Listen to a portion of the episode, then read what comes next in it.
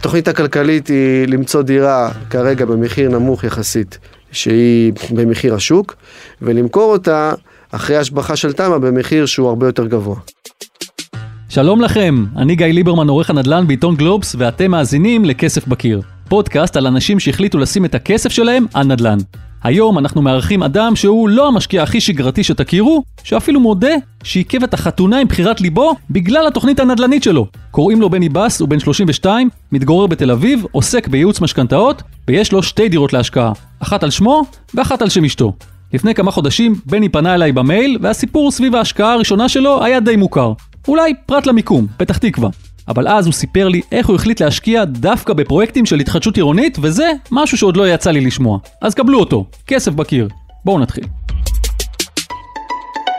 לפני שהתחתנו, אז כל אחד היה לו הון עצמי, והחלטנו שנקנה דירה לפני הנישואין, נעשה הסכם ממון, כל אחד יקנה כדירה יחידה, כי זו דירה באמת יחידה של כל אחד מהם, נעשה הפרדה רכושית. כל אחד בעצם ישכיר את הדירה שלו, יקבל את השכירות בחשבון נפרד. השכירות תיכנס אליה, השכירות שלי תיכנס אליי, המשכנתה שלי יורדת ממני, המשכנתה שלה יורדת ממנה, ובעצם יש פה הפרדה רכושית, וקנינו את זה פשוט לפני הנישואין, אז כל אחד קנה את זה כרווק, עוד שלא היינו נשואים. מאיפה בכלל הגיעה המחשבה ללכת בדרך הכלכלית הזאת? כי רוב האנשים, אתה יודע, מכירים, מתחתנים, ורק אז מתחילים לחשוב על דירה. אתה אומר שעשיתם משהו הפוך. אשתי היא איתי באותו ראש, זאת אומרת אנחנו שתינו מבינים שכרגע אנחנו רוצים לעשות החלטות uh, של השקעות, לגור בשכירות ובעתיד אולי נגור בדירה משלנו, אבל כרגע אנחנו מעדיפים למקסם את היכולת שלנו להתגלגל ולהשיג יותר הון עצמי. בני וזוגתו תכננו שמועד החתונה יהיה אחרי רכישת הדירה. אבל היה כמובן לחץ לממש את התוכנית לפני ששוברים את הכוס. מזל טוב, מזל טוב. אנחנו החלטנו שאנחנו נתחתן בערך שנה לפני שהתחתנו, אז קבענו את החתונה לשישי לפברואר. את הדירה שלי מכרתי בפברואר 18, הבנתי שמהר מהר אני צריך למצוא את הדירה בפתח תקווה, הייתי מוכוון מטרה. ומה שאני מאמין בזה, שאין דבר כזה מזל. אדם שהוא מוכוון מטרה, שהוא מחפש, הוא הולך, הוא מתמקד באזור, כי חייבים להתמקד באזור, בסוף הוא ימצא, הוא ימצא גם משהו טוב. אז בני ואשתו אנשים מוכווני מטרה, וגם דבר פעוט כמו חתונה יכול להמתין. מעניין? זה רק ההתחלה. מסתבר שבני אולי התחיל בהשקעה רגילה כביכול, אבל מהר מאוד החליט שאת הרווח הוא ימצא בהשקעה פחות שגרתית. הדירה הראשונה שקניתי אותה, זה היה אחרי שסיימתי לימודים, היה לי כספים מירושה שקיבלתי מאבא שלי שנפטר, ולא ידעתי מה לעשות עם זה, ואימא שלי כל הזמן לחצה עליי, תקנה דירה, תקנה דירה, ואני פחדתי, ובעצם קניתי אותה היא כביכול מוגדרת כדירה יחידה, אבל בפועל גרתי אצל אמא שלי והשכרתי אותה. זאת אומרת, זה הייתה סוג של השקעה. סוג של השקעה. כאילו, יכלת לקחת את הכסף ולשים אותו באפיק אחר. נכון. אז למה החלטתם דווקא דירה? כי אימא לחצה? קודם הכסף כן היה מושקע בשוק ההון, דווקא היינו מרוצים, הרגשנו שאנחנו בשנים של בין 2013 עד 2015 היו תשואות לא רעות, ואז ראינו שפתאום התשואות יורדות לאחוז אחד, לשתי אחוז, והבנו שהעניין הוא זה לא רק התשואה, אלא גם האפשרות שבנדל"ן הנכס, השווי שלו עולה. זאת אומרת, התשואה מהשכירות לא בהכרח גבוהה, אבל פתאום אתה יכול תוך שנתיים להעלות את השווי ב-20-30 אחוז, מה שאין סיכוי ששוק ההון יעשה לי, אלא אם כן אני הולך לאיזו השקעה מאוד מאוד מסוכנת. אז מה חיפשת? כמה דברים. קודם כל אני צריך להסתכל על דירה לא איך שאני רוצה לגור בה, אלא איך שבן אדם, דייר פוטנציאלי, איך לא יהיה נוח לגור בה. שזה בעצם טעות של הרבה מאוד משקיעים, שמסתכלים איך הם ירצו לגור. היה לי חשוב תחבורה ציבורית, באותו זמן לא היה לי רכב, היה לי חשוב שזה יהיה קרוב איפה שאני נמצא, כי זו דירה ראשונה שלי, אני לא כל כך מבין בנדל"ן, הדירה הייתה נמצאת במרחק של רבע שעה הליכה מהבית של אמא שלי. אבל זה גם היה בגלל שהרגשתי שפתח תקווה נמצאת בגבולות של הקו האדום של הרכבת הקלה, ובטווח הארוך ידעתי שהמחירים שם יעלו בפתח תקווה ובבת ים. פשוט בת ים הייתה רחוקה, אז העדפתי את פתח תקווה. ומבחינת אה, נגישות תחבורתית, פתח תקווה יחסית יש לה תחבורה ציבורית טובה. זה עיר שאפשר לגור בה בלי רכב. באזור של מרכז העיר יש את כל הבנקים ואת כל השירות שאדם סביר צריך. וגם משפחה שיש לה נגיד כמה ילדים יכולים להסתדר עם רכב אחד ולא שתיים, שזה גם יתרון. אז בני מתחיל לחפש דירות במרכז העיר האהובה עליו בתבל, אם המושבות, פתח תקווה. דבר ראשון שהוא מחפש זה קודם כל לוקיישן, למצוא את המיקום הנכון מבחינתו. חיפשתי דירה שהיא תהיה זולה, בגלל זה הייתי צריך ללכת על קומה האחרונה, קומה רביעית. בעצם הדלתא במחיר בין קומה שלישית לקומה רביעית לא היה כל כך גבוה בשכירות, אבל בפער של המחיר זה היה יכול להיות 200 אלף שקל. בגלל שהמטרה שלי לא לגור שם ולהשכיר אותה, אז אם אני אשכיר אותה ב-200 שקל פחות, אבל נשלם עליה 200 אלף שקל אה, יותר זול, אז זה לא כזה נורא. אמנם יש לי להתעסק עם הגג, שזה קצת כאב ראש, אבל עדיין זה שווה את זה, אז העדפתי לקחת את הלוקיישן, אפילו בקומה האחרונה, בבית ישן, קניתי את הדירה ב-890 אלף ב-2015. לעומת לקחת סתם דוגמה, דירה חדשה בשכונת כרמי גת או בחריש או מקום כזה, שיש שם אני גם מקבל שכירות יותר נמוכה וגם יהיה לי יותר קשה להשכיר. בדרך למציאת הדירה, הוא נעזר באימא שלו. היה לה פעם עסק והיא יותר ממולחת ממני, והיו גם מתווכים. אני לא רואה שום בעיה לעבוד עם מתווך אם הוא מוצא לך דירה במתחת מחיר השוק. ואז לראשונה בחייו, הוא בחר דירה להשקעה. זה היה דירה ברחוב חפץ חיים בפתח תקווה, קומה אחרונה בלי מעלית, דירת אה, שתיים וחצי חדרים, 75 מטר, השכרתי אותה ב-300 בלי כל כך בעיה. לדבריו זו הייתה בסך הכל עסקה טובה, אבל הוא התחיל לחשוב על תמ"א 38, דבר שממש לא הסתדר במיקום הזה. מצאנו איזשהו יזם, התחלנו תהליך, הבנו שזה לא מתקדם. בני לא התעצל והתחיל מחדש את כל התהליך. בשנת 2018 הבנתי שעדיף לי למכור את הדירה הזאתי, כי אני לא רואה כרגע איך היא תמשיך לצמוח, ואני רוצה כן למצוא דירה עם תמ"א. זאת אומרת, החלטת בעצם לשנות כיוון? בפעם הראשונה לא הבנתי בתחום של המשכנתאות, בתחום של המימון, כמו שאני מבין עכשיו, ולקחתי את כל ההון העצמי שלי והשכבתי אותו בדירה ההיא. במקום לקחת נגיד 75% מימון או 60% מימון, לקחתי, היה לי 400 אלף שקל, בערך 450, וקניתי את הדירה ב-900, לקחתי 450 אלף שקל. והעדפתי לקחת משם את ההון העצמי מהדירה הזאת ולמקסם את יכולת המימון שלי לקחת עכשיו עוד דירה, וגם לקנות דירה אחת שאשתי תקנה גם. וזה בעצם היה שתי סיבות שמכרתי, גם בשביל למקסם השקעה וגם כי רציתי דירת תמ"א. אז אתה מוציא למכירה את הדירה בחפץ חיים, כן, ובכמה היא נמכרת? מיליון אה, שבעים. אה, אז כבר עשית סיבוב בשלוש שנים. כן. גם השקעות בדרך, משהו בדירה? קצת צבע, קצת תיקונים, לא, לא, לא יותר מדי. הפחידו אותי עם הדבר הזה, אנשים מפחידים אותך, אבל אם אתה מוצא בדירה במצב סביר, אז כמובן שאתה צריך קצת להשקיע בה, לעשות קצת צבע. אני, מאוד חשוב לי שהדייר יהיה לו טוב בדירה, יש שם הרבה בעלי דירות שלא מוכנים לעשות דברים מינימליים אפילו. אני בתור סוחר מרגיש את זה, אני חושב שזה לא נכון. כי סך הכל היה לי שם דיירת טובה שרצתה להישאר, וגם הרגשתי שברגע שאני בא מצידי ו- ועושה את מה שהיא מבקשת, גם בדברים אה, אולי קצת יותר ממה שבעל דירה אחר אה, עושה, אז היא גם מצידה גם שומרת על הבית, וגם לא מטרידה אותי בכל דבר קטן. אז מה, אתה מחפש דירה בתמ"א, באותו אזור? כן, זה כבר אזור שאני מתמחה בו, אזור של פתח תקווה, אני ברמה של רזולוציה של אזורים, זאת אומרת אפילו אם אני אלך עכשיו לעיר כמו בת ים, שפחות או יותר נגיד אני מכיר קצת את העיר, אבל אני לא מכיר את הרזולוציות של האזורים, אני לא מכיר את הניואנסים הקטנים שיש בכל אזור. בפתח תקווה אני כן מכיר, המחירים אה, יחסית למרכז הם סבירים, והתחלתי לחפש, כן, דירה כזאת של תמ"א, שהיא לפני תמ"א ושיהיה תמ"א בעתיד. בני רוצה תמ"א. אוקיי. אבל לכו תמצאו דירה שתתאים מכל הבחינות. בעצם, מה התוכנית הכלכלית לעסקה כזו בכלל? התוכנית הכלכלית היא למצוא דירה כרגע במחיר נמוך יחסית, שהיא במחיר השוק, ולמכור אותה אחרי השבחה של תמ"א במחיר שהוא הרבה יותר גבוה. אז כמה דירות כאלה ראית? את האמת, לא הרבה, אולי 3-4 דירות, כי הרבה פסלתי אותם עוד בטלפון. כי הרבה אנשים מנסים למרוח אותך, יש, מדברים על תמ"א, יש פה תמ"א, ואתה יכול פשוט לסנן את זה בצורה פשוטה, האם בכלל חתמתם על הסכם מול יזם? כי אם הם לא חתמו על הסכם, זה הכל רק דיבורים. זה משהו שיכול לקחת נגיד חמש שנים אם בכלל זה יצליח. אז קודם כל צריך לסנן את האלה שעוד לא חתמו בכלל על הסכם מול יזם. אחרי שהם חתמו על הסכם מול יזם, אפשר לבדוק באתר של העירייה, בכל עירייה אפשר לבדוק, להיכנס לאתר מנהל הנדסה, ולראות האם הוגשה בכלל בקשה לתמ"א. כי הם יכולים גם להגיד לך שהוחתמו הדיירים, אבל יכול להיות שאין כדאיות בתמ"א ההיא ולא הוגשה בכלל בקשה. ומה לגבי המחיר? הרבה אנשים מכניסים לך את המחיר כבר, כאילו שלושת רבעי תמ"א כבר בוצעה, למרות שאנחנו חמש שנים עד שהתמ"א הזאת אה, תקרה בכלל. זהו, זה גם מכשול שהרבה אנשים רוצים מחיר שהוא לא, הוא לא ריאלי, אבל uh, במקרה שלי אני מצאתי בן אדם שהיה לו לחץ במכירה גם עקב סיבות אישיות וגם uh, עקב חובות שהוא היה צריך מהר לסגור ולא היה לו ברירה, הוא היה חייב למכור, והוא לא יכל לקחת מחיר יותר מדי גבוה, כי גם במקרה שלו באמת היה שם תמ"א שהיא היא מתקדמת, אבל עדיין רוב הרוכשים הפוטנציאליים הם מהססים כי הם לא באמת יודעים לבדוק את זה לעומק עד כמה זה באמת הולך להיות או לא הולך להיות. אז אתה קונה דירה ברחוב יהודה הלוי, רק אה, תוכל להגיד לנו בכמה? מיליון 230, ואיזה קומה זה? קומה שנייה. באיזה שלב נמצאת התמ"א באותו הזמן? זה נמצא בשלב שב-2014 הם חתמו על חוזה מול היזם, כמה שנים זה היה תקוע, ב-2018 זה התחיל עוד פעם לרוץ, ועכשיו בעצם אה, קיבלנו הודעה שעוד 60 יום מתחילות העבודות. זאת אומרת, הוא כבר הודיע וכבר פרסם מודעה בעיתון שהוא כבר מתחיל למכור את הדירות החדשות בבניין, בפריסל.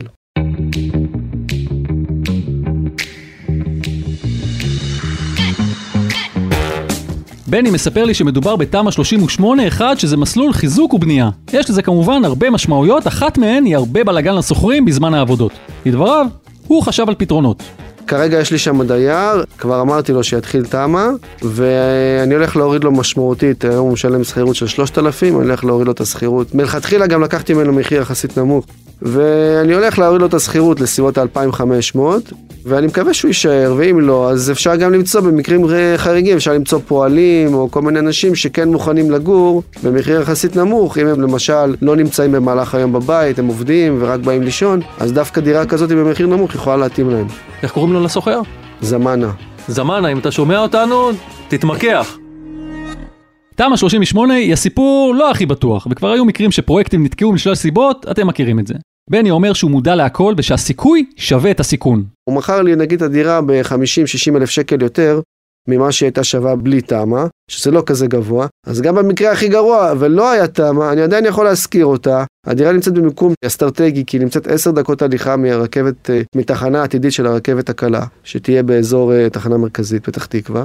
אז לא הרגשתי פה סיכון, בעצם במקרה הכי גרוע הפסדתי סכום מאוד מאוד קטן או שלא הפסדתי בכלל, כי גם המחיר שלה עלה. וכמה אתה חושב למכור אותה? אני מאמין, בסביבות המיליון 600. הכוונה כמובן אם הכל מתנהל לפי התוכנית ופרויקט התמ"א אכן מתקיים. שזה תוך כמה שנים? זה טווח של 4 שנים בערך מאז הרכישה? 4-5 שנים. חתיכת מודל, אבל האם אפשר לבנות עליו כשיטה? בני מבקש לענות על זה דווקא מהעיניים של המימון, של הבנק. נושא שחשוב להזכיר זה איך הבנק בכלל מתייחס לעסקאות של פינוי-בינוי ועסקאות של תמ"א 38. בגלל שעבדתי בבנק בתור יועץ משכנתה, אז uh, אני ידעתי איך כן להעביר את זה, איך כן לעשות את זה. גם היום אנחנו עושים את זה עם לקוחות שבאים אלינו והם צריכים לקנות דירה בתמ"א. הבנק רוצה לדעת שבסופו של יום הקבלן לא יפשוט רגל, הוא לא יקבל פה איזושהי דירה שפתאום הוא צריך למכור אותה וזה אתר בנייה. אז הוא צריך להבין, לראות איזה ליווי יש, איזה ערבויות הקבלן נותן, האם הוא משלם את כל המיסים, אז הוא נכנס, הוא מתערב, הוא בודק את ההסכמים, אם הכל תקין בגדול, אפשר להתקדם. בפרויקטים של פינוי-בינוי זה טיפה יותר מורכב, כי בסופו של יום לבנק אין בטוחה. הרי כשהורסים את הבית, אז הבנק כאילו צריך להישאר עם משהו. בנק רוצה שיהיה לו מה, מה לממש ומהר. שיהיה לו מה לממש. ואז בעצם הוא דורש ערבות אה, בנקאית מהיזם. שלא כל היזמים תמיד משתפים פעולה עם זה, אבל uh, אני מדבר בעיקר על דירות יד שנייה, לא על דירות יד ראשונה שהקבלן מוכר בפרויקט, שזה סיפור אחר לגמרי. היבט נוסף זה לעשות את כל הבדיקות המקדימות. אני הלכתי כמה פעמים לעירייה, למינהל הנדסה, העורכת דין שלי צריך לקחת בחשבון שהעלות פה של עורך דין טיפה יותר גבוהה, כי הוא צריך לבדוק לך לא רק חוזה רכישה, הוא גם צריך לבדוק לך את החוזה תמ"א, כי אני נכנס לנעליו של המוכר. אנחנו מדברים על טווחים לפעמים מאוד מאוד ארוכים. האם אני, שאני משקיע נדל"ן, מהעיניים של משקיע נדל"ן, שווה להיכנס להרפתקה הזאת, כי רוב המשקיעים רוצים לממש את הנכס אחרי 6-7 שנים לעבור הלאה. אז השאלה אם, אם באמת זה, זה שווה. צריך לחלק את התמ"א ואת הפינוי-בינוי. צריך לקחת בחשבון שלהחתים בניין של uh, הדירה שאני קניתי, יש שם 16 דיירים. אז אתה צריך להחתים שם סך הכל 16 דיירים. כשאתה צריך לעשות פרויקט של פינוי-בינוי, זה בדרך כלל 3-4 בלוקים, אז אתה צריך להחתים 50 ו-60 ו-70 דיירים. אז בגלל שראיתי שזה תוכניות באוויר, בפינוי-בינוי, יכול להיות שהרווח העתידי שם יהיה פי 2, כי באמת הדירה החדשה שם תהיה שווה פי 2. אבל uh, מתי זה יקרה ואיך זה יקרה עשר שנים, באמת, אני גם חושב שפחות כדאי, בגלל זה אני גם פחות uh, חיפשתי את הפרויקטים של הפינוי-בינוי, כי זה הרבה באמת uh, דיבורים באוויר, הפרויקטים של התמ"א יש יותר סיבוך הנדסי לעשות אותם ואולי פחות רווח, אבל יש לך יותר אפשרות אה, לעשות את זה בצורה מהירה.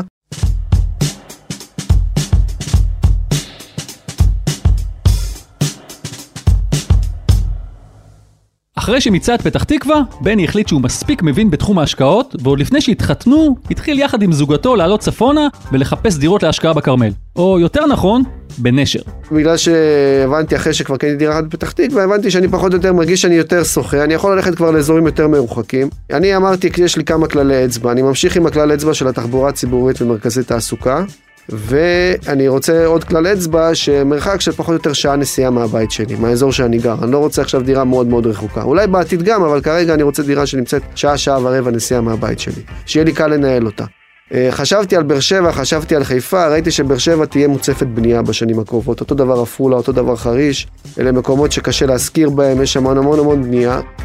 אבל למה דווקא נשר שאלתי אותו? ולא ציפיתי לתשובה כל כך מפורטת. פתאום ראיתי שנשר זה בעצם עיר שהיא כאילו שכונה של חיפה, היא צמודה לחיפה, הגבול בין חיפה לנשר זה הטכניון, וכל השכונות שנמצאות בטכניון והלאה, כאילו כל השכונות שנמצאות מהטכניון באזור של חיפה, זה שכונות מאוד מאוד דווקא טובות של חיפה, השכונות היקרות, זה החלק של הר כרמל. אז הבנתי שנשר זה בעצם אה, סוג של מובלעת של חיפה, אפשר למצוא שם דירות במחירים זולים יחסית.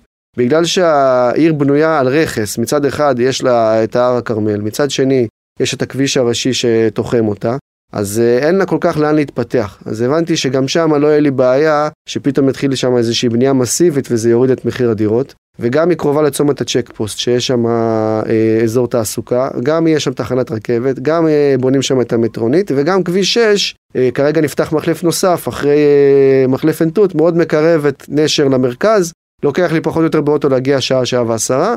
והדבר שהכי מעניין, הסתכלתי באתר מדלן, ראיתי שבעצם בכל ערי הפריפריה שבדקתי, נשר העיר היחידה שממוקמת במדד סוציו-אקונומי 7 מתוך 10. זאת אומרת, התחושה שם זה לא עיר מאוד מאוד פריפריאלית, באמת העיר מאוד מסודרת, היא גם מאוד מוטת אקדמיה, כי יש שם את הטכניון. עשית זה- סיור? נסעת לשם? ראית את כל זה בעיניים? כן, נסעתי, ראיתי איך העיר נראית, ראיתי שהעיר נראית לי מעניינת, והתחלתי לחפש. כשאתה נוסע לסיור כזה, על מה אתה מסתכל?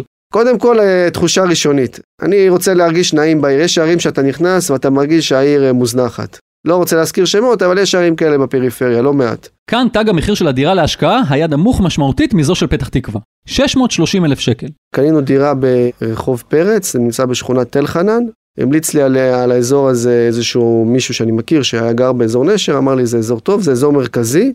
איזו דירה זאת? דירת שלושה חדרים בקומה שנייה בבניין רכבת. קניתי אותה, עוד היה לי יתרון שכבר קניתי אותה מושכרת. היה לה שכירות של 2,200 שקל, קניתי אותה עם הדיירים, והמשכתי איתם את השכירות. ואתה צופה שהמחיר יעלה?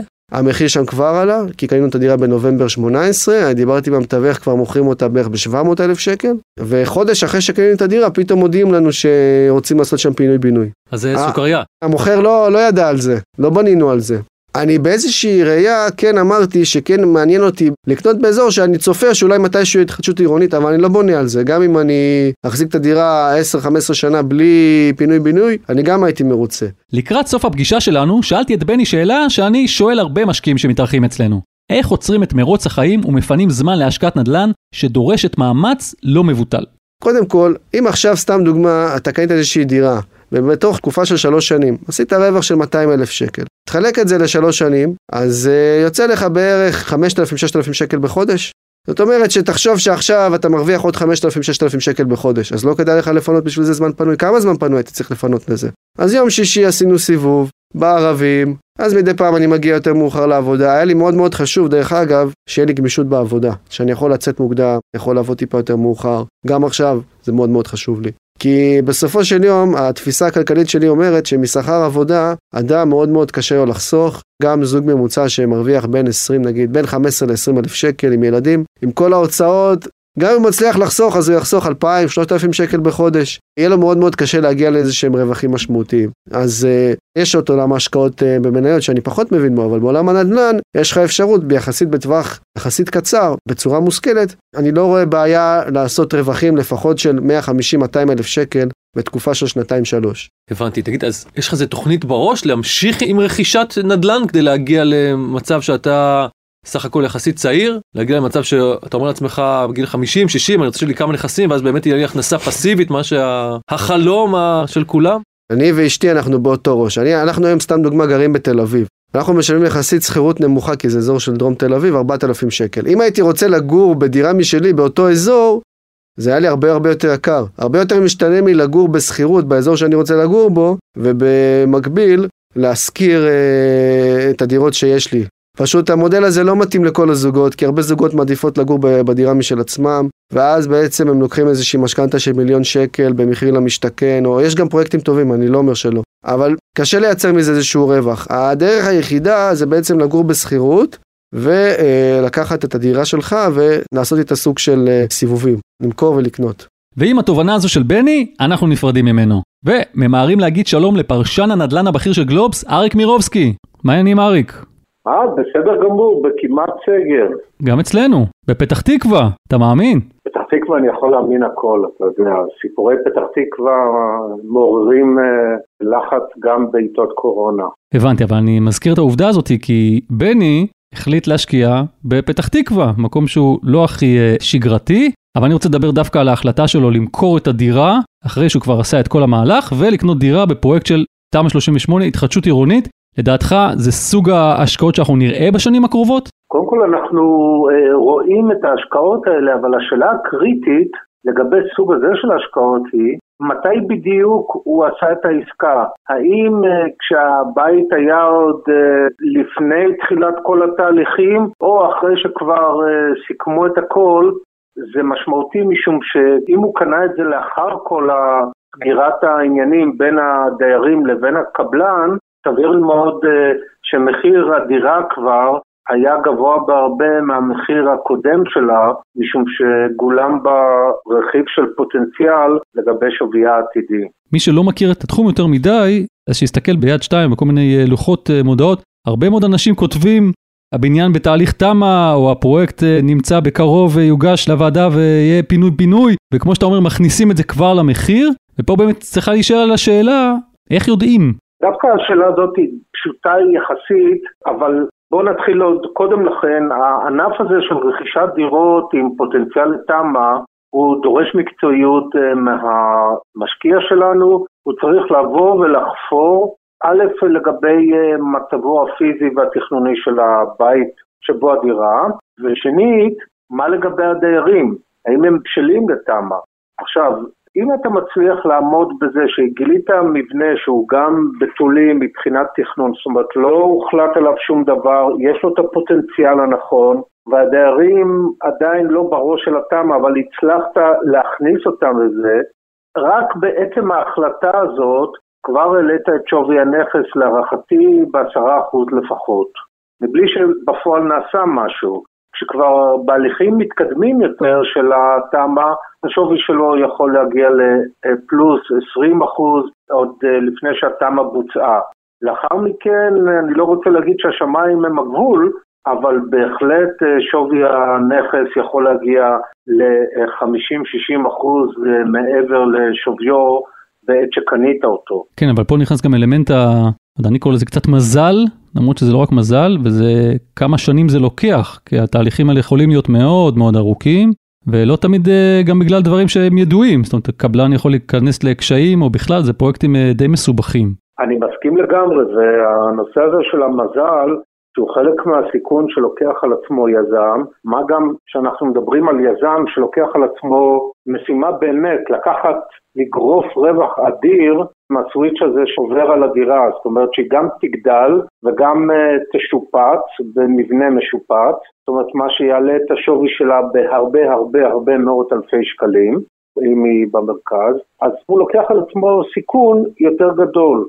זה נכון. אפשר להגיד שגם uh, בעבר, אני זוכר שאמרת כמה פעמים שמשקיעים, לפחות ממה שאתה מכיר, רוצים את הדירה ל-6-7 שנים ואחרי זה מוכרים אותה. אני חושב שבמקרה של התחדשות עירונית אפשר קצת למתוח את הגבולות עוד יותר למעלה, ולהגיד שקחו את הדירה, תדעו שלפחות בעשור הקרוב, אם זה יהיה פחות אה, אז מצוין, אבל לפחות 10 שנים ייקח עד שההשקעה הזאת תבשיל. מסכים? אני מפריד פה בין uh, תמ"א 38 לבין התחדשות עירונית. נכון, נכון. בוא נאמר שהתחדשות עירונית, אני לא יודע אם זה מתאים באמת לטיפוסי ההשקעות שאנחנו מדברים עליהם, זה באמת לטווח מאוד ארוך. אני מתכוון בעיקר לתמ"א 38 שבה, ובמיוחד במצב שלנו כיום, שאנחנו יודעים שבעוד אה, שנתיים בערך היא תסתיים, אז המשקיע חייב לראות את סוף הדרך איך אומרים, בעין בלתי מזוינת. זאת אומרת, צריך לראות שהוא נכנס לתוך תהליך, הוא יודע למספר, הוא יודע לתארך אותו, ולדעת פחות או יותר כמובן אה, עם מה הוא יוצא. אז כאן אני חושב שזה כן משהו שניתן אה, להיעשות לטווח הקצר-בינוני, אבל אה, הוא דורש מהמשקיע, כפי שאמרתי, להיות הרבה יותר מקצועי מאשר סתם משקיע שקונה דירה ומשכיר אותה. אוקיי, אריק, שניפגש בקרוב. אה, אינשאללה. יאללה, ביי ביי אריק, להתראות. כל טוב, גיא, להתראות. עד כאן עוד פרק של כסף בקיר. אם אהבתם את מה ששמעתם, אתם מוזמנים ומוזמנות לעקוב אחרינו באתר גלובס, בספוטיפיי או באפליקציית הפודקאסטים האהובה עליכם. ונשמח שתדרגו אותנו גבוה באפל פודקאסט, זה יעזור לנו מאוד להגיע לעוד ועוד מאזינים. אם אתם בעצמכם משקיעים בנדל"ן ורוצים לספר לנו על ההשקעה שלכם, שילחו מייל לכתובת כסף.בקיר at globes.co.il, באותיות באנגלית כמובן. לבני זה עבד יופי. לפני שניפרד, אני רוצה להמליץ על פרויקט חדש ומגניב שלנו, התעלומה של גלובס. חידה בלשית בהמשכים מאת דוקטור אושי שוהם קראוס. מדי שבוע נפרסם דוח חקירה חדש, משובץ כתבי חידה מורכבים, מסובכים ולעיתים מוזרים. אם תהיו ממש טובים, אולי אפילו תצליחו לחשוף את האמת. חפשו בגוגל, התעלומה של גלובס. תודה לעורך הפודקאסטים רון טוביה, למפיקה ניצה כהן ולניב בן אלי על הסאונד. יאללה, אני זז לגינה מתחת לבית שלי ליהנות מריח הפרדסים והאקליפטוסים של אם המושבות. או שלא. אני גיא ליברמן. ביי!